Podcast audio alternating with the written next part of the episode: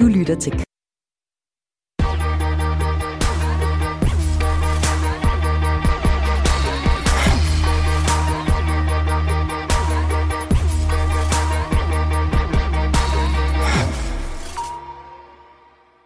Ja, du lytter til Kreds her på Radio 4. Jeg tager lige senderen et øjeblik, men er stærkt tilbage nu her i din radio med en omgang kulturprogram til dig de næste 55 minutter. Det er hverken en nissemand eller en nissekone, du kan møde i TV2's nye julekalender Kometernes Jul. Fordi nisserne her i den nye juleserie har ikke noget køn. Det afslører manuskriptforfatteren bag serien først her i udsendelsen. Og det er noget helt nyt, at julekalender gør op med kønnet på den måde. Det fortæller en julekalender-ekspert også. Og det er altså første historie her i dit daglige kulturprogram Kreds her på Radio 4. Og vi bliver også lidt i juletemaet i starten af udsendelsen i dag. Der er der også andet på programmet, andet end jul. Jeg har sidst i udsendelsen for eksempel besøg af TV2's hovedtillidsmand Lennart Sten, der mener, at øh, dokumentaren Sexisme bag skærmen, der udkom i mandags, øh, viser og viser et øh, sexistisk arbejdsmiljø på TV2, er fortid. Men inden vi kommer til den historie, der skal det også handle om, øh, ja, hvad der egentlig skal til for at lave den bedste julesang. Jeg får i portrætserien Stjæl som en kunstner besøg af musiker Clara Sofie, der har stjålet fra to, jeg vil sige, ikoniske julesange til hendes julesang, Når sneen smelter. Og senere i programmet, så skal vi også se på kostymerne i den nye Hollywood-film House of Gucci. Mit navn er Maja Hall. Velkommen til Kreds.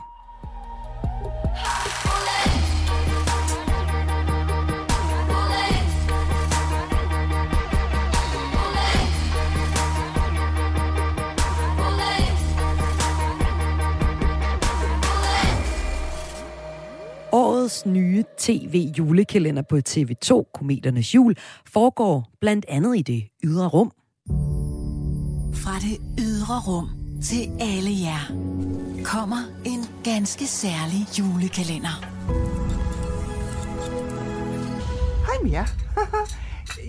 Jeres børn de er desværre fanget i det ydre rum, og vi ved ikke lige, hvornår de kommer tilbage. Sådan lyder det her i et øh, lille trailer fra Kometernes Jul. Men Kometernes Jul adskiller sig også fra andre danske klassiske tv-julekalender ved, at dens nisser ikke er ligesom de nissemænd og damer med røde huer og æblekinder, som vi ellers kender. Nisserne i Kometernes Jul er nemlig nogle pelsede rumvæsener, der ikke har noget køn. Og øh, den, der har opfundet dem, jamen det er jo simpelthen dig, Jenny Lund Madsen. Velkommen til Græs. Tak skal du have. Du er nemlig manuskriptforfatter på Kometernes Jul. Og øh, i serien her, der møder vi øh, nogle nisser, eller de hedder jo faktisk ni så, for de bor på planeten 9. De er rumvæsener, de har en tyk pels, og den øh, primære nise, som børnene møder, hedder Tanja.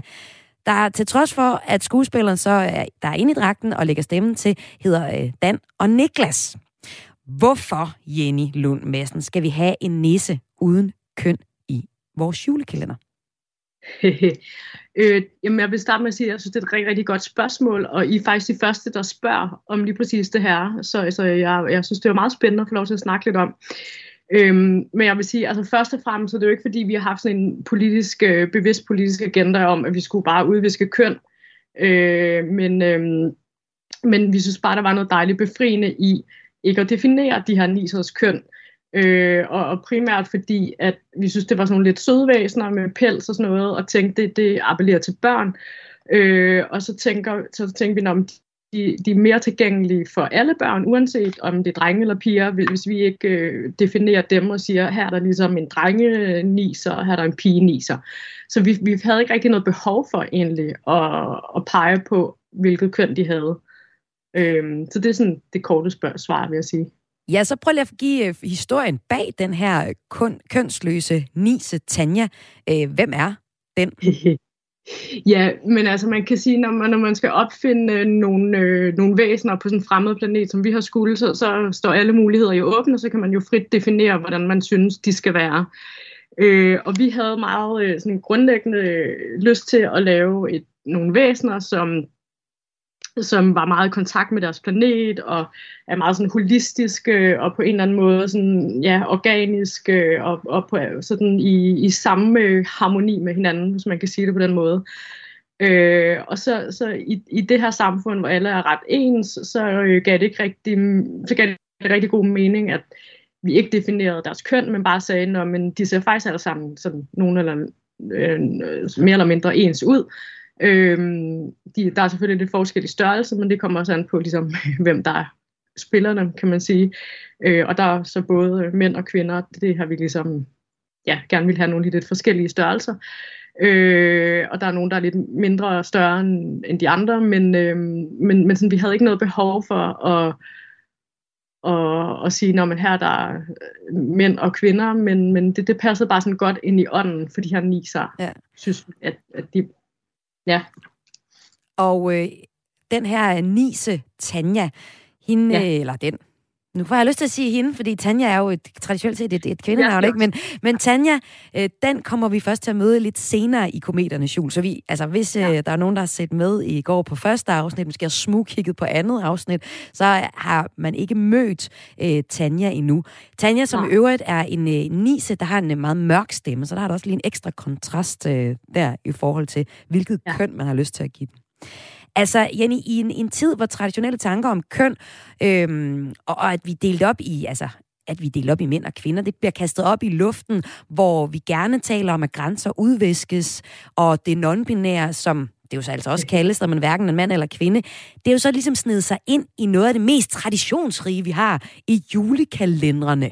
Eller i hvert fald den første julekalender herhjemme med en øh, non-binær nisse. Altså, du siger, at du egentlig bare havde lyst til at lave en nisse, der kunne være en fed figur, mere end en han eller en hun. Men, men hvad er sådan din personlige agenda som manuskriptforfatter alligevel? Kan du ikke lige prøve at afsløre den? Når du alligevel jo. putter en, øh, en nisse ind i en julekalender, ja. der gør op med det traditionelle kønsmønster. Ja, men, men altså man kan sige, igen, det er ikke fordi, jeg har en agenda. Der er jo masser af tematikker i den her julekalender. Der er videnskab, der er mm. sammenhold, mm. der er alt muligt andet, som ligesom har stået forrest. Så det, er ikke, det har virkelig ikke været sådan en, en, en stor ting. Nu skal vi bare øh, queer hele den her julekalender. Når det så er sagt, så har vi haft en meget bevidst snak fra starten i forfatterrummet om, hvordan vi behandler køn. Forstå på den måde, at vi... Øh, vi har jo øh, et ensemble øh, hovedkast på to drenge og to piger, Øh, og, øh, og vi havde lyst til, at begge, øh, hvad hedder det, begge køn kunne være lige seje og lige sårbare, og at man ikke ligesom lavede sådan noget lidt traditionelt drengene mod pigerne, men at man ligesom øh, bare sagde, her er der fed, fed, fire øh, seje børn, som som adskiller sig på forskellige vis, men, men som vi ikke ligesom, øh, vi peger ikke på øh, den der drenge-pige-ting. Øh, og, og også i forhold til, hvad de ligesom øh, gør ned igennem julekalenderen, øh, så har vi forsøgt at fordele sol og vind lige, sådan at, øh, at man ikke kan komme og sige, at øh, at drengene de er sådan nogle, der bare tør det hele, og pigerne de står sådan pævset og ser til, eller omvendt.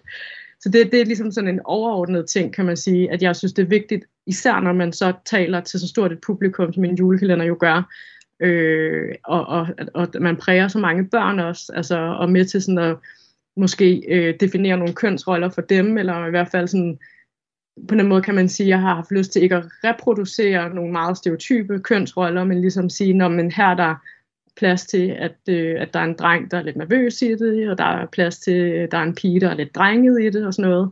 Øh, og så lige det der med niserne øh, i forhold til Tanja, der synes vi bare, at vi havde virkelig grineren over, at hun skulle hedde Tanja, fordi vi synes, det var sjovt, der var et rumvæsen, der havde det navn øh, at det så lige blev Dan, der spiller, øh, hvad hedder det, Dan og, øh, og Niklas, der, der er inde i Tanja. Øh, det var sådan set lidt tilfældigt, øh, dels fordi, at Dan er Danmarks mindste mand, og vi skulle have en meget lille person øh, inde i Tanja. Øh, og Niklas var, var rigtig god til at have kostyme på og sådan noget. Så, øh, så, så den der kontrast mellem ligesom Tan, øh, Tanjas dybe stemme øh, og, og så det, hun hedder Tanja, det, det, var der egentlig ikke nogen, der sådan stillede spørgsmålstegn ved undervejs. Det var bare sådan, nå ja, men sådan kan man også være. Og jeg tror i virkeligheden, at ja. Og sådan opstod jo så altså den første nisse i dansk julekalenderhistorie, der hverken er en han eller en hun. Tusind tak, fordi du var med her i Græs Jenny Lund Madsen. Det var så det, så tak. Som altså er manuskriptforfatter på Kometernes Jul, som jeg taler om her i Kreds i dag. Og det er altså første gang, at julekalenderen gør op med, at næse enten skal være en kvinde eller en mand, kunne min, øh, øh, det kan min næste gæst fortælle. Julekalenderen som fænomen opstod i øh, 1960. Her udsendte Svensk TV den første julekalender for børn. Det øh, skriver Danmarkshistorien.dk, der er en hjemmeside lavet af Aarhus Universitet. Og de skriver også, at tv-julekalenderen bygger videre på en tradition om de trygte lovjulekalender, der havde været brugt i årtier. Og i 62, der lavede DR så den første tv-julekalender til børn. Den hed Børnenes julekalender. Og min næste gæst har set alle julekalenderne siden den første, og det er dig, Mathilde Kallehauge. Velkommen til Kreds. Tak for det. Du er også medvært på podcasten Julearkivet og skrevet dit speciale på Aalborg Universitet om danske julekalenderens, ud, ud, julekalenderens udvikling gennem årene. Kometernes jul, det er så det første eksempel på en julekalender, der har en næse med, der ikke har noget køn. Men der har været eksempler på, at man har gjort op med kønsstereotyper. Hvad er de mest bemærkelsesværdige eksempler, øh, som du har kunne finde øh, frem, Mathilde? Øh, ja, men øh, nu vil jeg starte med at sige, at det har faktisk været en lille smule øh, træt at skulle finde, øh, finde, finde mange frem, fordi det hos den danske julekalender, eller tv-julekalender, øh, jeg ved ikke, om det er gået så meget langsommere end i resten øh, af tv-historien, men, men den er meget traditionsbunden, så derfor så er det gået, øh, ja, lidt, øh, lidt langsomt med det, men sidste år har vi et rigtig, rigtig godt eksempel i DR's julekalender, Julefeber, hvor øh, julemanden øh, jo spilles en, en kvinde, og der ikke er noget øh, i, julekalenderen noget odiøst over det, og øh, hun hedder ligesom bare julemanden, og bliver omtalt som det, men der er ikke nogen tvivl om, at øh, hun er en, en, en, en dame, bare med skæg, som hedder julemanden. Derudover så har det faktisk været svært for mig at finde noget øh, sådan derudover, der har øh, mindet om noget non-binært i, øh, i karaktergallerierne. Men der, hvor de øh, så gør noget, trods alt julekalenderen, det er med at gøre op ved kønsstereotyperne. For eksempel ved at have de her såkaldte drengepiger, hvor øh, pigerne ikke er nogen, der bare sidder og klipper klister, men også øh, er med ud, med, hvor der er fart over feltet hvis man skal sige det så lidt stereotyp på en måde. Og det, dem er der altså også øh, eksempler på. Hvad, hvad er nogle af de mest interessante eksempler, Mathilde Kallauke, som du vil fremhæve? Jamen, et af de første eksempler, man måske lige kan komme i tanke om, er for eksempel fra øh, 98-brødrene Mortensens jul, hvor øh, musinen Beatrice jo er en rigtig gav pige fra Jylland, som blandt andet øh, stikker øh, Wilhelms rekord i at slå, øh, eller, øh, lave armbøjninger, og øh, det har han det lidt hårdt med. Og gennem julekalenderen ser vi generelt sådan en tendens til, at hvis der er nogen, som påtager sig en lidt anden rolle end sådan en stereotyp, så er det pigerne, som får lov til at være lidt mere drenget, eller våget, eller modige. Og i Pakten 2009 hos DR kan vi jo også se øh, klassekammeraten Vigi, som hviler meget i sig selv, selvom hun har nogle problemer, men hun hviler meget i at være anderledes og være øh, Øh, øh, adapteret og stikke lidt ud fra, øh, fra, fra normerne i klassen, og det har hun det egentlig, virker det til, fint nok med. Hun kæmper så med nogle andre ting. Ja. Men hvis vi kigger på julekalenderhistorien i Danmark, så har der aldrig været en øh, julekalenderfigur, som hverken er mand eller kvinde, som man altså ser med, en, med nisserne i øh, kometernes jul. Det tæt, vi kommer, det er måske fra øh, Heimdal fra Jul i Valhalla, som er sådan lidt lettere feminin og spillet af Peter Frodin. Men faktisk har der ikke været nogen eksplicite heteroseksu ikke heteroseksuelle karakterer, hvis vi også kigger på seksualiteten. Men der er så en lille smule, der sker i forhold til familiestrukturerne. Her følger julekalenderne med tiden. Øhm, hvordan ser vi, vi det? Altså, øh, den, vi begynder at udfordre den lidt sådan standard opfattelse af, at vi skal have en kernefamilie bestående af mor og far og børn. Øh, og det ser vi egentlig relativt tidligt, eller allerede i sådan øh, start 90'erne, er det kan man godt have en karakter, som har i skibet Skildeskov på TV2, hvor vi har en mor, som har en datter, og uden at det egentlig bliver tale, så at vi mangler en far, øh, for eksempel. Øh, og også igen hos øh, det er noget senere, øh, også i pakten, der mangler vi også en, en far, hvor det ligesom er moren og de to børn, der fungerer sammen. Det seneste eksempel fra sidste år, der så vi jo i julefeber, hvor familien øh, er far og så de to børn, og hvor faren faktisk også i tale sætter, at familien fungerer som et hold, og det også er vigtigt, at det egentlig er børnene, som er med til at få familien til at fungere. Og derudover så har vi også set mange eksempler, og flere eksempler på skilsmissefamilier, hvor det er normalt standard i julekalenderen også, at vi har hans og hendes og mine og dine børn, for eksempel i juleønsket hos TV2. Så de føler lidt med tid, men det var altså første gang med Kometernes Jul, at vi ser en øh, nisse uden køn. Mathilde Kallehauke, vores øh, julekalenderekspert her på Kreds i dag. Tusind tak, fordi du var med i programmet også. Og øh, Kometernes Jul, den kan du se på øh, TV2, der bliver den sendt lige nu. Og hvis du sidder og undrer dig lidt over, hvad det er for en nisse, vi taler om, så er det altså, som jeg sagde, en nisse, der endnu ikke er blevet præsenteret i Kometernes Jul, og den her kønsløse Tanja, som øh, nissen hedder. Men hun kommer, og du kan altså møde den på TV2 hvis du tuner ind der en aften i december. Om lidt her i Kreds på Radio 4, der skal det handle om House of Gucci, en ny Hollywood-film, hvor øh, anmelderne synes ikke, de, øh, den er helt fænomenal, den film. Men kostymerne, de er ikoniske hele vejen igennem. Det siger den danske designer Jesper Høvring her senere i programmet. Men før vi kommer til den historie, så får du da lige opskriften på et helt rigtigt julehit. Du lytter til Græs med mig, Maja Hall. Et gammelt ordsprog lyder, gode kunstnere låner, men de rigtig gode kunstnere stjæler. Og det bruger jeg som overskrift i portrætserien Stjæl som en kunstner, hvor jeg inviterer aktuelle kunstnere ind til en samtale om, hvem der har og hvad der har inspireret dem.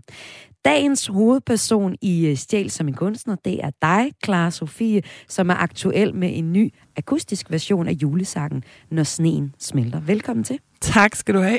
tak. Nu øh, skal vi så høre, hvordan du har stjålet, eller man sige, stået på skuldrene af to ikoniske julesange.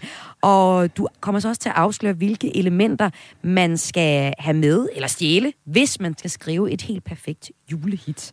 Men Klaus, inden vi kommer så langt, så skal vi også lige have præsenteret dig som sangerinde. Du hedder Clara Sofie Fabricius Rosenhoff, og du går under navnet Clara Sofie. Ja, der er aldrig nogen, der tager det sidste Rosenhoff. efternavn med. Det, det er meget godt. Velbekomme, velbekomme. tak for og det. mange vil nok især kende dig for det her hit.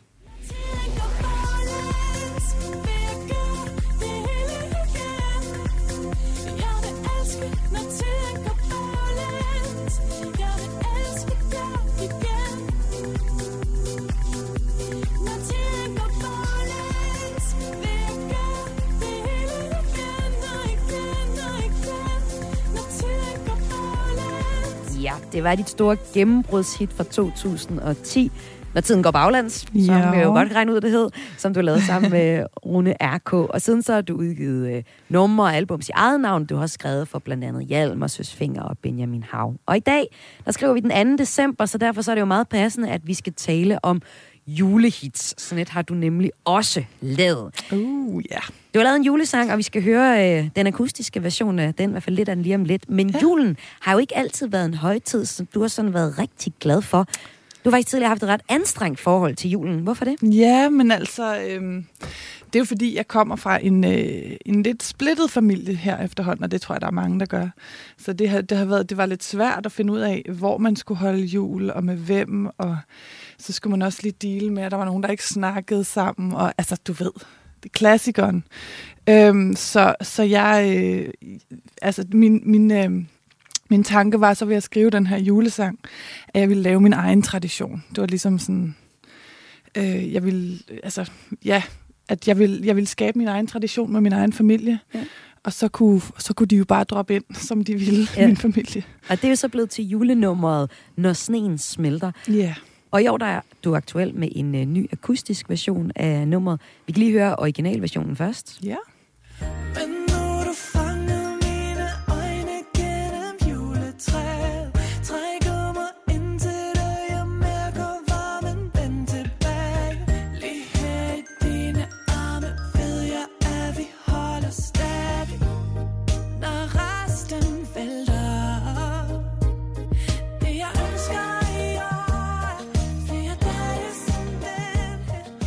Og så kan vi jo også øh, lige prøve at høre lidt af den akustiske version af det her nummer. Det jeg ønsker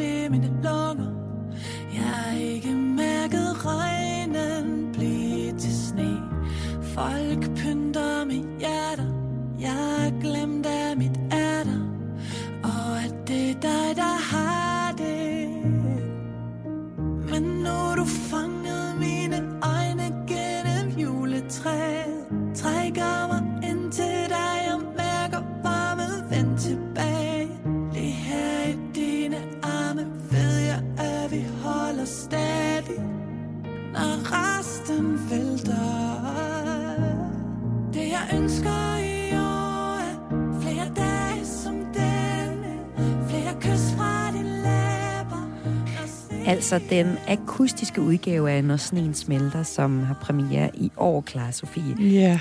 Hvorfor har du lavet en akustisk version af nummeret?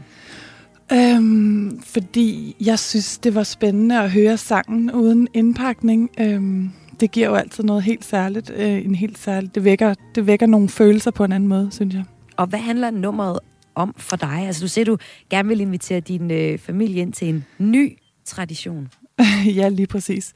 Øhm, jamen, øh, jamen, øh, nummeret handler jo om, at... Øh, når jeg får lige besøg i studiet. nummeret handler om, at, øh, at ud over højtiden, og så skulle have det rart hele året. Det, det er ligesom det, sangen handler om. Og øh, det er jo så den julesang, som øh, du har med. Men vi skal også tale om, hvordan man skriver en god julesang. Ja. Og hvem man skal stjæle af, eller lade sig inspirere af, for at lave en rigtig god julesang. Og Clara Sofie, du har selvfølgelig taget to klassikere med. Altså, det er jo, Jamen, man kan ikke jeg. vælge mellem de to sange. Nej, det kan man simpelthen ikke. Det Skal er jo Ja. de ultimative julesange. Det, Det er toppen af alle juleplaylister lige nu. simpelthen toppen. Og, altså, ja. Og det er Øh, faktisk at det her nummer, der ligger i toppen på de fleste juleplaylister, jeg kan finde. Ja, ja, ja, præcis.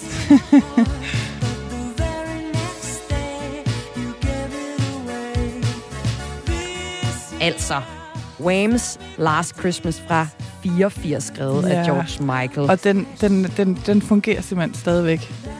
Det er Men- ret utroligt. Men faktisk så kunne jeg læse, at det var først øh, sidste år, BBC øh, One, øh, de har skrevet, at det var først sidste år, at Last Christmas toppede den britiske single-hitliste for første gang i 6 Nå, 36 år, efter den blev øh, udgivet. det er alligevel vildt.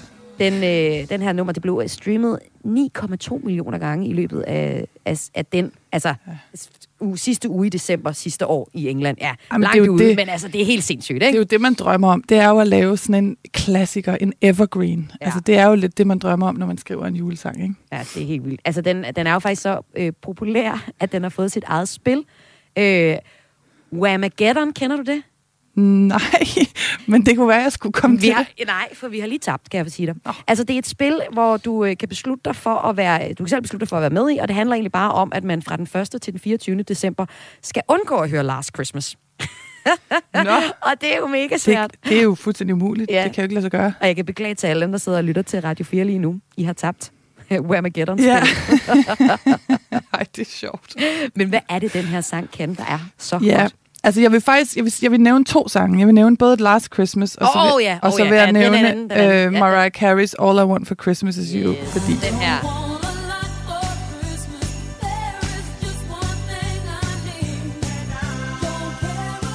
Og det er, ja, den skulle I selvfølgelig have med. Et nummer fra 94. ja, vidunderligt nummer også. Men de ligger faktisk sådan på, på Spotify's playliste, for eksempel, hvis man går ind og søger på jul, så er det altid først Wham, så Mariah Carey. Jeg Nå. ved ikke, om du også har det sådan med de Jamen, to. det kommer lidt an på, hvilket humør jeg er Ja, i. ja, ja. Altså, men de kan, de kan noget helt særligt begge to, men de er lige gode, synes jeg. Okay, lige god. Men nu har jeg jo, nu Ja. har jeg jo en, en særlig forkærlighed for Mariah Carey, fordi Ja. hun, hun er, altså, hun er den bedste, altså hun er en vidunderlig sangerinde. Hun er jo number one sammen med Whitney Houston. Altså, og tilbage i 2018, ja. Der satte den her sang faktisk en helt særlig rekord på juleaftensdag. Ja. Der fik den nemlig jamen, øh, 10,82 millioner afspilninger på Spotify på Ja. 24 timer. Ja, tak. Jamen, den tager jeg. Ja, ikke også? Nå, Jo. hvad kan de to her julesange? Ja, men Hvad er det, man altså... skal stjæle fra? Ja, men stjæle, jo, låne. Altså, det, man, man lader sig jo inspirere og tænker sådan, okay, det her, det er to evergreens. De, Ja. ja. de dør aldrig. Hvad er det? Hvorfor er det det? Og det kan man jo ikke lade være med at, at, at kigge på, når man selv skal lave en julesang, det er klart. Så jeg kan jo se på, altså jeg, jeg har ikke decideret stjålet, vil jeg sige, men inspirere. Altså man kan sige, jeg kan, vi kan kigge på, hvilke sådan elementer der er i dem, som, som gør dem så specielle, og som jeg så også har lænet mig op af på, på originalen øh, af Når Sneen Smelter. Mm. Og det er for eksempel, altså i de to numre, så er der sådan et, der er der et klaver eller et keyboard, som er sådan det drivende hovedinstrument. Øhm, og det er der også i min. For eksempel er der i Last Christmas den her sådan vippen mellem to toner i synden i højre hånd, mens bassen skifter. Mm. Og det skaber sådan nogle krødrede akkorder, som er sådan... Øh, som også er et, et element, jeg har brugt i Når Sneen Snølter. Øhm, og det, det giver sådan en eller anden, det giver noget suspense og noget forløsning, øhm, som øh, skiftevis, som, som vækker et eller andet. Ja. Øhm, det er en af tingene. Mm. Og så er der, så er der, øhm, så er der i, både i øh, hvad hedder det, Mariah's og i Whams, og i mit, en stærk fornemmelse af sådan et øhm, fire fjerdedel, sådan et bordstolagtigt sådan trommebeat. Dunk, dunk, du ved. Mm. Øhm, det er lidt forskellige tempi, men, øh, men, men elementet er der. Og det skaber noget fremdrift, som jeg også har brugt i, i Når Sneen Smelter. Øhm, men det, Ja, fordi hvis man skulle sådan koge din, din gode råd ned til, hvis. Ja. man skulle øh, lave en, øh, et helt perfekt julehit, så er det noget med, at øh, tempoet i en god julesang, det må ikke være for langsomt. Man skal ligesom øh, kunne swinge lidt med det. man kan sige, at min er faktisk den langsomste af de Ja, tre. ja. Men altså, man kan stadigvæk... Altså, det er stadigvæk ikke langsomt. Det er sådan midt-tempo. Ja. Og derfra op, vil jeg sige. Det, det, det går meget godt. Men altså, jeg vil godt også bare lige påpege, at der er ikke nogen regler. Altså, for, altså der er jo ikke nogen regler. Men, men altså, så det er jo svært at sige, hvad der lige er, der gør det til et hit. Fordi hvis man vidste det, så ville alle jo bare skrive julehits hele tiden. Klart, klart. Men, Men- nogle af de ting, du i hvert fald kan se, der ja. Går igen i øh, julesange, og noget af det, der gør, at de er så gode, de to, vi lige har spillet. Men der er øh, mere. Med, ja. ja, det er jo så blandt andet tempoet var den ene ting. og så hvis vi skulle fremhæve øh, to andre ting, så den ene ting, det er det der med, at en julesang skal ikke være for julet. Nej, Hvorfor skal det ikke være det, Clara øhm, jeg synes, altså, i, øh, det var i hvert fald vigtigt for mig, at det var et nummer, som, som skulle vække følelser, og ikke få folk til at grine, du ved. Og når, man, når, man, når man bruger julens elementer med klokker og jingle bells og sådan noget, så kan det meget hurtigt blive enormt karikeret. Mm. Øhm, så jeg, jeg havde faktisk nogle klokker med i min øh, Når Sneen Smelter, som jeg valgte at skrotte, fordi jeg, jeg synes ikke ligesom, jeg både kunne snakke om øh, juletræ og kalenderlys, og have, klok- have sådan nogle rasleklokker. Det bliver ligesom for meget. Ja. Så, øhm, så jeg ved ikke, altså det, det er virkelig med at finde en balance, hvor, hvor jeg synes, at teksten skulle vække nogle følelser sammen med melodi. Altså det skulle være, ja, og så samtidig, og så skulle det være bundet op på en højtid, men uden at det bliver for svulstigt, ja. hvis det giver mening. Ja. ja, og den sidste ting, det er jo det her med, med følelserne. Der skal være noget følelsesmæssigt på spil. Det er der jo både i Wham, ikke? Altså, der er det jo Broken Heart. Ja, altså, Og- han snakker om, om at han, vil, han har dummet sig Ja. sidste jul, og nu vil han gøre det bedre den her jul. Ja. Mariah Carey snakker om, at hun er ligeglad med julemand og sne. Hun vil bare gerne have sin kæreste. Ja. og jeg snakker om, at jeg vil gerne vil have det rart hele året, og ikke bare i højtiden. Ja. Så det er, sådan en, det er sådan en vinkling på nogle sådan ret store følelser. Ja, og det kan ikke komme over. Det kan ikke blive øh, for patetisk eller plat. Mm, mm, altså, altså jo, det kan det jo, men det er jo det, man skal passe på, at det ikke Ja. ja. bliver for banalt. Ikke? Ja.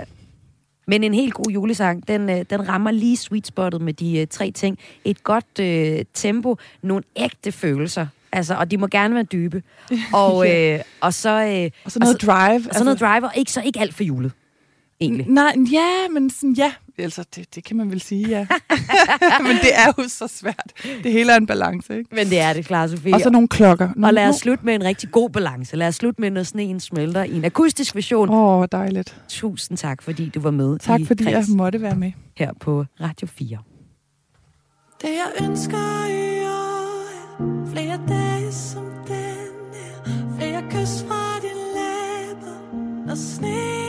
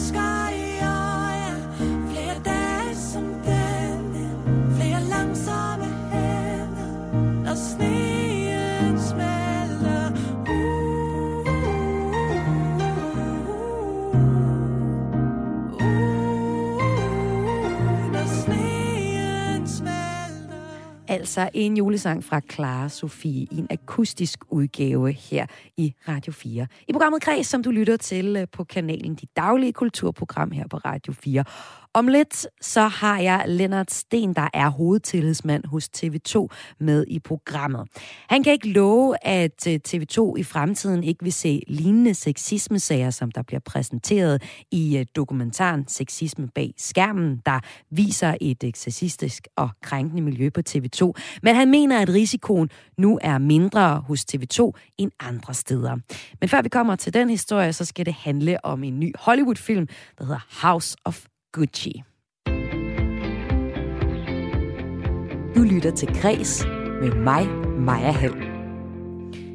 Anmeldernes nattehimmel over Hollywood-filmen House of Gucci har været overskyet.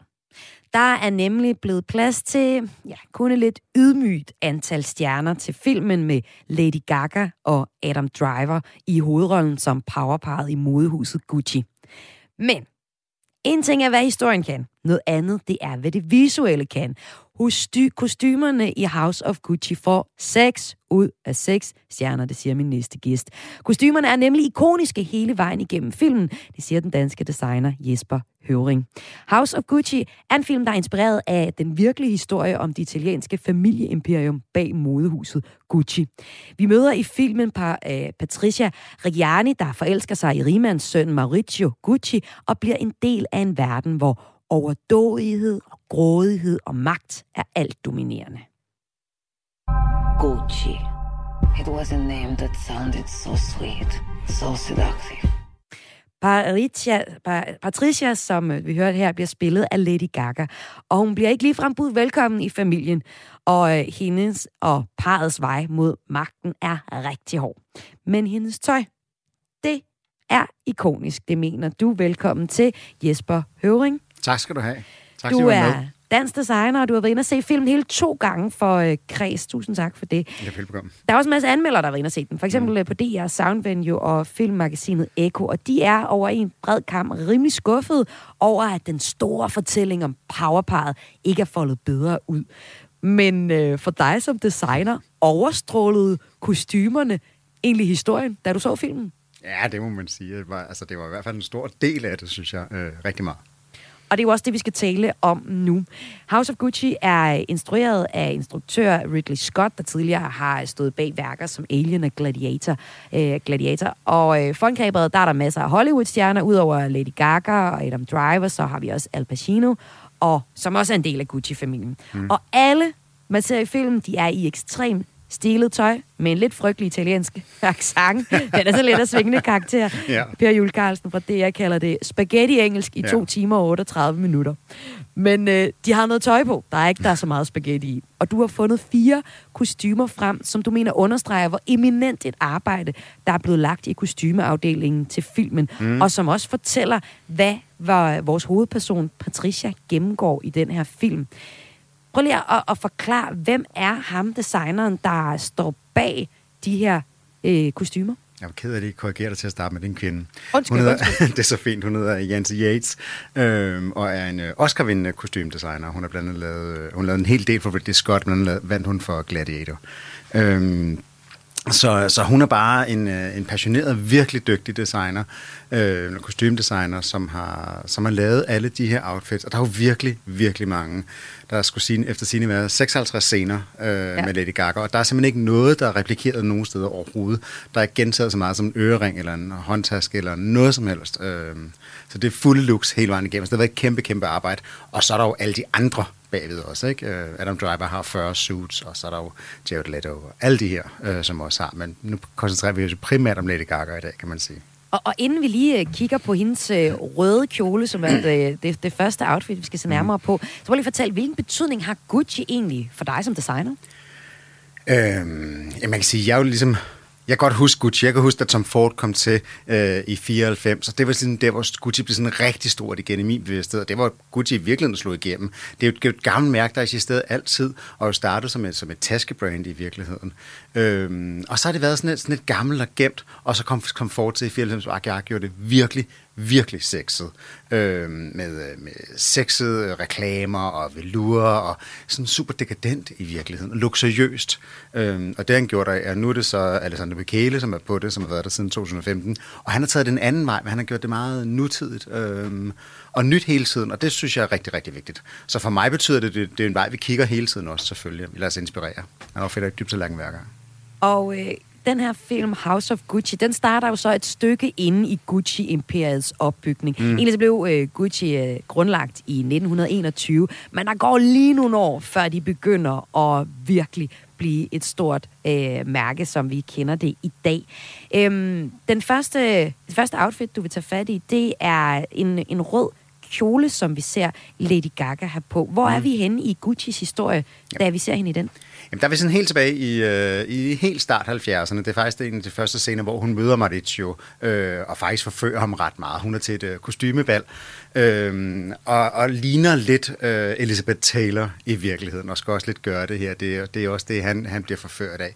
Og det, der er meget sjovt her, det er, det, det er et kæmpe arbejde bag ved at lave sådan en film her, bag ved at lave alle de kostymer til den her film her. Mm. Øhm, og det der er, det er, at denne her, den her kjole er en replika fuldstændig af en af Pa- Patrizia Reggiani har haft på øh, helt ned til sløjferne på skuldrene. Der er lavet lidt på, på farven, det var mere lyserød, nu er den rød i, i, øh, i filmen her. Så i sidste øjeblik, øh, faktisk da scenen er i gang, der får virkelig godt lige kortet den op til knæene, eller under knæene, for man vil gerne se noget ben. Den er, den har oprindeligt været lang. Men det er sådan meget god, at hun er altså, hun spiller super, super sexet øh, hele filmen igennem i virkeligheden, Lady Gaga. Og det må man sige, det er hun i hvert fald også i den første kjole her. Og så får hun jo så øh, forført Maurizio Gucci, mm. og øh, hævet ham ind i varmen og sagt til ham, hey, vi skal overtage det her imperium. Fordi hun er virkelig en kvinde, der godt ved, hvad hun vil. Ja, det må man Hun sige. vil gerne noget magt. Ja, det er hende, der styrer det.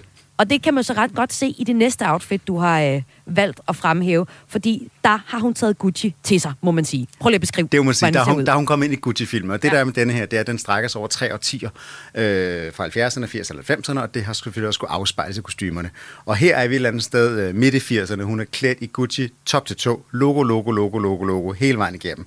Tunika og, og en top, der er i det samme print, og det her beige logo, som vi alle sammen kender, som er meget frem igen nu. Og faktisk hendes taske, som hun har, der er Jackie-tasken, som også er i butikkerne nu. Og det er lidt det, Gucci kan. De kigger altid tilbage til arkiverne, det er der mange mærker, der gør, men Gucci gør det i høj grad. Kigger tilbage og fornyer det. Øhm, og det er det bestemt også her. Man kan sige, at øh, her i 80'erne var logo stort, så har der været sådan et tidspunkt, hvor logo ikke var så stort igen. Og nu kommer det igen. Nu skal vi have logo alle steder. Ja, Øhm. Jesper Høvring, hvilken betydning har Gucci for modebranchen i dag i 2021? Jamen, det er der kæmpe betydning. Altså, Gucci er kæmpestort og en af de klart største spillere på, på, på markedet. Øh, det har de fået med, med Alessandro Michele, som er, som er der lige nu, som er, deres, øh, som er deres designer, som har fornyet det virkelig meget, øh, og taget den en helt anden retning, end som Ford gjorde. Og så har han gjort det her kæmpe, kæmpe smarte, synes jeg. Han har sammen med øh, Balenciaga lavet det, der hedder... De har lavet et hack sammen. De har simpelthen Ja. mødtes de to designer sammen. Og så har de lavet Gucci-tøj, hvor der bare står Balenciaga hele vejen henover. Så Gucci og, og Balenciaga har merged deres logoer. Og Balenciaga har selvfølgelig gjort det samme. Og det er aldrig nogensinde sket før i, i modebranchen, at man har- gjort det på den måde. Det synes jeg er virkelig, virkelig smart. Det benefitter alle jo af. Det er jo helt klart noget, som, øh, som de unge har taget til sig. Det er jo, det er Ja, fordi det er jo de første, det ligesom Balenciaga er. er sådan rigtig ungt mærke, for, hvor man virkelig kan se teenager gå i det nu, hvis man har penge til det, altså. Ja, det og det. Hvor, hvor Gucci for mange er sådan et mere dekadent mærke, så når man klæder sig i det, så vil man også gerne vise, at man har, har smag, har italiensk stil, sådan helt fra, fra grundessensen af, af mode. Jamen, de har jo bare gjort det ungt, kan man sige. Ja. Gucci er ungt igen, og alle unge vil have, eller har noget Gucci, ikke? Altså, man gør det jo også det der med, at man kan sige, at tøjet er rigtig dyrt, men de fleste kan spare op til en nøglering, eller en punkt, eller på solbriller eller andet. Der findes ikke mange, der nærmest ikke har haft det på Gucci-solbriller. Jeg har Inklusiv. ikke. Du har ikke. Godt, du kan låne par, for jeg har masser af par derhjemme i kælderen. Okay, så det var de to første outfits, hvor vi ser, hvordan Patricia kommer ind i Gucci-familien. Først ved at forføre sig frem, og så tager hun bare mm. og sætter sig ved roret og styrer skuden fremad. Og øh, det tredje outfit, der har hun også styr på det hele. Hun stinker af penge Absolut. i det her ski-outfit, som du vil fremhæve. Prøv lige at beskrive, hvordan hun ser ud i det. Jamen, jeg elsker bare det her, for hun er super dekadent. Hun er iklædt et, øh, et, et, et one suit, altså en skidragt, simpelthen. Den er, den er lakrød øh, fra top til to, stadig store skulder på i, og den stinker bare virkelig af, at hun står ikke på ski. Hun er i Samoritz, hvor de ligesom selvfølgelig har en villa nede. Alle andre i scenen er ligesom klædt i hvidt, hvidt, hvidt, hvidt, og hun er i den her røde, røde dragt. Selvfølgelig med røde skigoggles i panden, uden på sin kæmpe store pelshue og kæmpe store øreringe. Øh, hun står ikke på ski, hun ser bare godt ud. Og det er sådan en scene, hvor, hun er, øhm, hvor Mauricio er i gang med at, at score en anden kvinde lidt, og så vil hun gerne have ham tilbage. Og sådan forskelligt. Det, det oser det også meget her, men primært så er hun bare virkelig dekadent. Øh, hun kommer fra, fra fattigere kår, og nu kommer ind i Gucci-familien og har fået masser af penge. Og det, det oser det af her. Jeg synes, det er helt fantastisk. Det er en gammel, øh, det er en gammel skidragt, øh, som var i gul oprindeligt, og så har man så lavet en ny en af dem i den røde her. Og selvfølgelig er der Gucci-bælter i Italien. Det er bare... Jamen, det er det, Gucci virkelig er, synes jeg. Det er sådan lidt dekadent. Det bliver sådan lidt meget, det her logo, logo, logo, bliver lidt meget nogle gange. Øh, eller ofte i virkeligheden. Øhm, og det kan jeg ret godt lide, det her. Det er meget sådan tidstypisk for, for perioden, og, og i virkeligheden også lidt sådan, for nu 80'erne er ret meget tilbage. Man kunne sagtens se den her skidræt igen nu. Okay. Og det kunne man måske også med det sidste outfit, du har valgt. Det er sådan et rigtig 80'er outfit, hvor øh, det er meget tydeligt i filmen, at øh, Patricia nu har fået øh, magt. Hun har de helt brede skuldre, og øh, det er hende, der styrer mm. tingene. Ja, Slagets gang. det gør hun helt gang. Her er en gang med en overfør, eller en gang med at overtale sin, øh, sin svoger til, at han skal lave en linje øh, for Gucci. Han er designer, vil gerne lave noget der, og så kan man sige, så laver hun sådan en bagholdsangreb på ham. Men øh, hun er virkelig, hun er klædt sådan polkaprikket, smør så meget sådan sen 80'er-agtigt i virkeligheden. Øh, sort og pink polkaprikket dragt med kæmpe store skuldre. Hun har stort hår, hun er meget nedringet, og det er meget stramt det hele. Øh, hun ligner en lille smule i virkeligheden Alexis fra, fra Dollarsag, øh, og det synes jeg er ret skønt i det her. Øh, og helt generelt, sådan en ting, jeg er blevet sådan mærke igennem hele filmen, det er, at hun har ret meget krop, Lady Gaga, i den Ja. her film igennem, og det kunne jeg rigtig, rigtig godt lide. Hvad mener hun, du om det? Jamen, øh, hun er ikke... Øh, det er synd at sige, hun er ikke tynd i den, som, som vi ellers ser fri, primært øh, Hollywood-skuespil. Nu enten så er de sådan meget tynde, eller også er de sådan relativt store. Hun er bare sådan helt, i virkeligheden bare en normal kvinde, sådan så kvinder ser flottest ud, og der er flest af. Hun har barmer, hun har talje, hun har hofte, og det hele er bare fremhævet. Altså masser af barm ud, og store draperinger på hoften, og talje, eller bælter ind i taljen. Og det kunne jeg rigtig godt lide. Der er sådan en scene, hvor hun sidder i en hvid perlekjole, hvor man faktisk ser, at hun har ret meget mave. Det synes jeg er ret skønt. Øhm, det, bliver, det, bliver, det bliver sådan meget ægte i filmen. Og det gør det der sprog, så de, det der spaghetti engelsk, de der spaghetti italiensk, de taler. Det bliver så ikke så ægte. Men, men hun er meget øh, sådan kropsmæssigt ægte i det her. Det kan jeg rigtig godt lide. Og det var altså fire eksempler på, at uh, House of Gucci leverer i hvert fald på kostymefronten. nu er de her fire outfits, du har valgt, det er jo sådan noget, der er primært i den første del af opbygningen af House, eller af Gucci som mm. imperium. Fordi uh, herefter, der synes du ikke, der får vi ikke så mange fede uh, billeder lige præcis af, af Lady Gaga. Men jeg gætter på, at der er stadig godt styr på kostymerne resten af filmen igennem. Jamen, der er simpelthen, det er så fantastisk. Øh, Der er et, øh, da Tom Ford kommer til, den slutter jo op i, øh, i 495, den slutter med mordet 95 selvfølgelig, men i 94, da Tom Ford kommer til, der holder han det første show for Gucci. Og der har man simpelthen kontaktet Gucci og fået dem til at lave hele det show igen i de originale. Altså man, de originale kostymer, eller de originale, der vis på modeshow, findes ikke, men så har man lavet dem igen simpelthen, og man viser det her show her. Øh, Så der er masser og masser at se på. Og så skal man slet ikke øh, underkende både øh, Adam Driver og Jared Leto, deres kostymer, i det, altså herresiden er også virkelig stærk. Øh, og det er meget, det er sådan meget ikonisk. Altså vi ser, vi ser øh, loafers med, med, med, med buckles øh, på hele vejen igennem, ligesom vi ser i dag. Det, det er rigtig godt. Man Og hvis man ikke kan se den for, øh, for den gode historie, eller for den mellemgode historie, så i hvert fald se den for kostymerne. Og så måske også se den for, at det faktisk er en rigtig historie, fordi mm. det er noget, du fremhæver, selvom du selvfølgelig er med her i, i Kreds i dag, fordi du designer og kan beskrive, hvad det er for nogle designs, vi ser i filmen. Så øh, ved jeg, at du også synes, at den egentlig var, var meget fin, fordi at der var noget, at den, den er bygget på en rigtig, altså det er en rigtig historie, historien om, hvordan Patricia kommer ind i Gucci-familien, og hendes rimelig konsekvense udgang af familien. Ja, det må man sige. Historien, den har jo allerede fortalt os, hvad konsekvensen er, og øh, hun planlægger et mor, og hun Mhm. ender i fængsel. Og hun lever jo i dag. Jeg synes, det er ret vildt. Hun er kommet ud i Og kommet ud i 2014 med, hun har siddet 20 år i fængsel, og lever den dag i dag, og har været inde og se filmen, og har selvfølgelig holdt sig meget, meget negativt og kritisk til den. Øhm, og det har, det har de fleste fra Gucci-familien, jeg synes, at de er blevet portrætteret virkelig dårligt, dem der lever i dag. Men jeg tror næsten hellere, vi må stoppe her, inden vi kommer til at afsløre for meget af filmen. Fordi når jeg læser alle anmeldelserne på det, så det her øh, mor, der bliver planlagt, det er faktisk ikke noget, der står i anmeldelserne. Selvom at historien der, altså, vi kigger i historiebøgerne, så, så ved vi godt, hvad der sker i, øh, med, med Gucci-familien, altså at Patricia planlægger et ret essentielt mor. Men lad os holde det ved det. Lad os holde ved at sige, det er essentielt. Og så kan man jo gå ind og se filmen enten for historien eller for kostymerne. Jesper Høring, tusind tak, fordi du var med i Kreds her i dag. Tak fordi jeg måtte gå dag. Du lytter til Græs med mig, Maja Hall.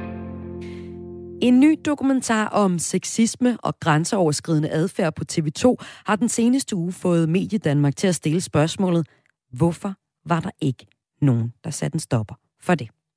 Dokumentaren Me Too Sexisme bag skærmen havde premiere i mandags på Discovery+. Plus. Den udstiller et sexistisk og grænseoverskridende arbejdsmiljø på TV2. I filmen står 11 tidligere og nuværende ansatte frem og fortæller om deres oplevelser på TV2's nyhedsafdelinger. Dokumentaren har fået TV2's administrerende direktør Anne Engdahl Stig Christensen til at sige undskyld til de kvinder, der har oplevet grænseoverskridende og krænkende adfærd. En anden, der også anerkender at have begået fejl i de her sager, det er dig, Lennart Sten. Du er tillids, hovedtillidsmand hos TV2, og det har du været siden 2010. Velkommen til Kreds. Tak skal du have. Du kan ikke love, at vi i fremtiden ikke vil se lignende sexisme-sager, men du mener, at risikoen nu er mindre hos TV2 end andre steder. Hvorfor er den det? Siden det er kommet frem, er der blevet arbejdet intenst på øh, vores procedurer. Folk i nyhedsafdelingen har været på kursus i at sige til og fra. Øh, lederne har været på kursus i øh, at være opmærksom på at modtage folk, der eventuelt har været udsat for krænkende handlinger. Øh, nye, der kommer ombord på TV2, øh, bliver informeret om de forskellige måder, der er muligheder, hvis man kommer i nogle situationer, hvad man kan gøre. Så den her bevidsthed, der er kommet i TV2, på baggrund af hele det her øh, udrulning og oprulning af fortiden på TV2, tror jeg at vil virke enormt præventivt. Og så skal man tænke på at huske, at det her er en smertelig del af vores historie. Og det er jo også vigtigt, at den her del af historien bliver stående, fordi det, det var en del af TV2 der i starten af det her årtusind. Og det er vigtigt, sådan var det, ligegyldigt hvor forfærdeligt vi synes, det har været, eller det var, så har det været sådan. Og det må vi jo acceptere, det skal vi leve med, og det skal vi lære af. Og nu du siger, siden det her kom frem, så er det siden, der blev lavet en advokatundersøgelse, øh, og ikke siden i mandags. Altså, der er også blevet gjort øh, før øh, dokumentaren kom frem i mandags. Men du siger jo så, at, at risikoen nu er mindre hos TV2 end andre steder. Så når du løfter blikket ud i resten af Medie Danmark, øh, ser du så et, et stort problem øh, på mange redaktioner? Og jeg tror, at øh, MeToo har lært os alle sammen, ikke bare på TV2, men i det, i det hele, at vi simpelthen skal være bevidst omkring det her. Fordi det, der er hele essensen i MeToo, det er jo, øh, jeg kan godt have gjort noget over for dig, som du har følt dig krænket af. Men hvis jeg ikke selv er bevidst om det, og hvis jeg ikke får det at vide, så går du måske videre med det, og du synes, eller så går du ikke videre med det, så, ligger, så laver det sig i dig, og vokser og vokser og vokser. Og det behøver nogle gange, at det små ting, og det er det, der er mit håb, det er, at i og med, at vi har haft alle folk i nyhedsafdelingen på kursus i at sige til og fra, så en ting, eksempel, jeg lægger øh, min arm øh, omkring dig og siger, tak, det var, det var et godt samarbejde, vi havde her. Det synes du er lige en tand for meget. Så er det vigtigt, at du har mod, og nu har du i hvert fald tilladelsen til på TV2 at sige, prøv at høre, Lennart, når du gør sådan, så går du lige et skridt for langt. Og så kan jeg sige til dig, det må simpelthen undskylde, det var ikke meningen. Og så bliver den løst der, frem for at tingene hober sig op og vokser øh, i den ene part, og den anden part ved måske i virkeligheden ikke, at der har været krænkelser. Det er den her hverdags små krænkelser, der kan komme. De ting, vi ser i dokumentaren, er jo langt værre. Det er jo, det er uhyrligt, og det er også vigtigt for mig at, at sige, at alle de mænd, der bliver omtalt i den dokumentar, der er ikke en eneste af dem, der er på TV2. Men øh, de bølger, de kan have sat i gang, det de har skubbet ned igennem organisationen, det, sådan kan man umiddelbart være på TV2 tilbage fra nullerne. Ja. Øh, det er jo vigtigt, at de bliver stoppet også. Og det er jo det hele den her oprydning og hele den her nye kultur, opbygning af den handler om. Ja.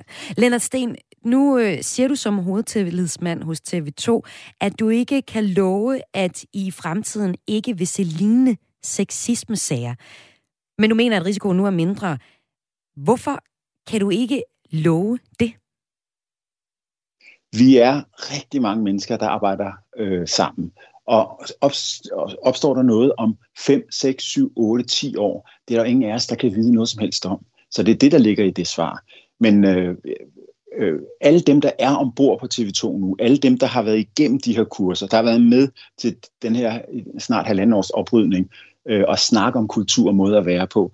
Øh, der er jeg næsten sikker på. Jeg kan ikke forestille mig, at der er nogen, at vi vil se lignende sager, som dem, vi har set her for nullerne. Dem håber jeg aldrig nogensinde, vi kommer til at se på mediearbejdsplads, så bevidst at bruge øh, sine medarbejdere og sin magt til at, øh, til at få sex. Det er jo, altså, tag og krumle, det er jo forfærdeligt at se på. Øh, så, så det er det, jeg mener. Det tror jeg ikke kommer. Men der kommer nogle sager, hvor folk misforstår hinanden og misforstår hinandens tegn. Dem håber jeg så bare, at vi nu har redskaber til at løse. Og er der nogen, der føler sig forulempe, krænket, at man så nu også ved, hvor man kan gå hen. For eksempel til mig, for eksempel til nogle af de øvrige tillidsfolk, for eksempel til praktikantvejleder, hvis man er praktikant. Til blandt andet Ekstrabladet, der kender du, at du som tillidsmand ikke altid har levet op til den tillid, som øh, krænkende, krænkede medarbejdere har udvist dig. Altså, at du ikke altid har anerkendt dem og spurgt nok ind til de henvendelser, de kommer med. Hvorfor tog du ikke de henvendelser af mere alvorligt dengang? Jeg tror, at det, der, det jeg har lært af det her, det er jo, at øh, du og jeg kan godt opfatte en situation forskelligt. Og nogle af de henvendelser, jeg har fået, har været, har været i en lille øh, en lille grad af det. Men derfor kan kvinden stadig have følt sig krænket. Og så har jeg måske sagt, Åh, kom nu videre for pokker. Altså, det har han helt sikkert ikke ment noget med. Øh, glem det at komme videre. Og det er jo ikke måden at tage, tage mod det på, fordi hvis kvinden har følt sig krænket i den situation, så er det enormt vigtigt at spørge ind til, hvordan, hvorledes, og så man også sammen finde ud af, hvad gør vi så? Hvad er så næste skridt nu i det her? Vil det for eksempel være at tage snakken med den part, der klart har krænket, eller vil det at gå videre og starte en egentlig sag? Men det er også vigtigt for mig at fortælle, de henvendelser, jeg har fået, det har, som, som øh, jeg har genbesøgt, det har ikke været sager som dem, vi ser i, mm. i, øh, i, i, i dokumentaren, fordi der er jo ingen tvivl om, altså det er jo, altså, det er jo simpelthen så langt ude. Mm. Og så siger du så nu, at, at øh, TV2 har taget det seriøst, og der nu er for eksempel kurser, man skal på i at finde ud af, hvordan man siger til og fra. Men et, et, et online kursus, hvor man finder ud af, hvornår man skal sige øh, ja og, og nej til ting, er det det, der er løsningen? Altså, folk Jamen, kan stadig gå ud og, og være potentielle krænkere, øh, på trods af, at man har været på et, et online-kursus. Ja, men det, øh, det er ikke et online-kursus, det er rent faktisk fysisk. Folk har simpelthen været samlet okay. i grupper. Det, man arbejder sammen med, har været samlet en dag, hvor man har haft alle mulige situationer, man har snakket ting igennem, både ting for hverdagen, men også sådan øh, tænkte, øh, hvad hedder det, tænkte ting, der kunne opstå.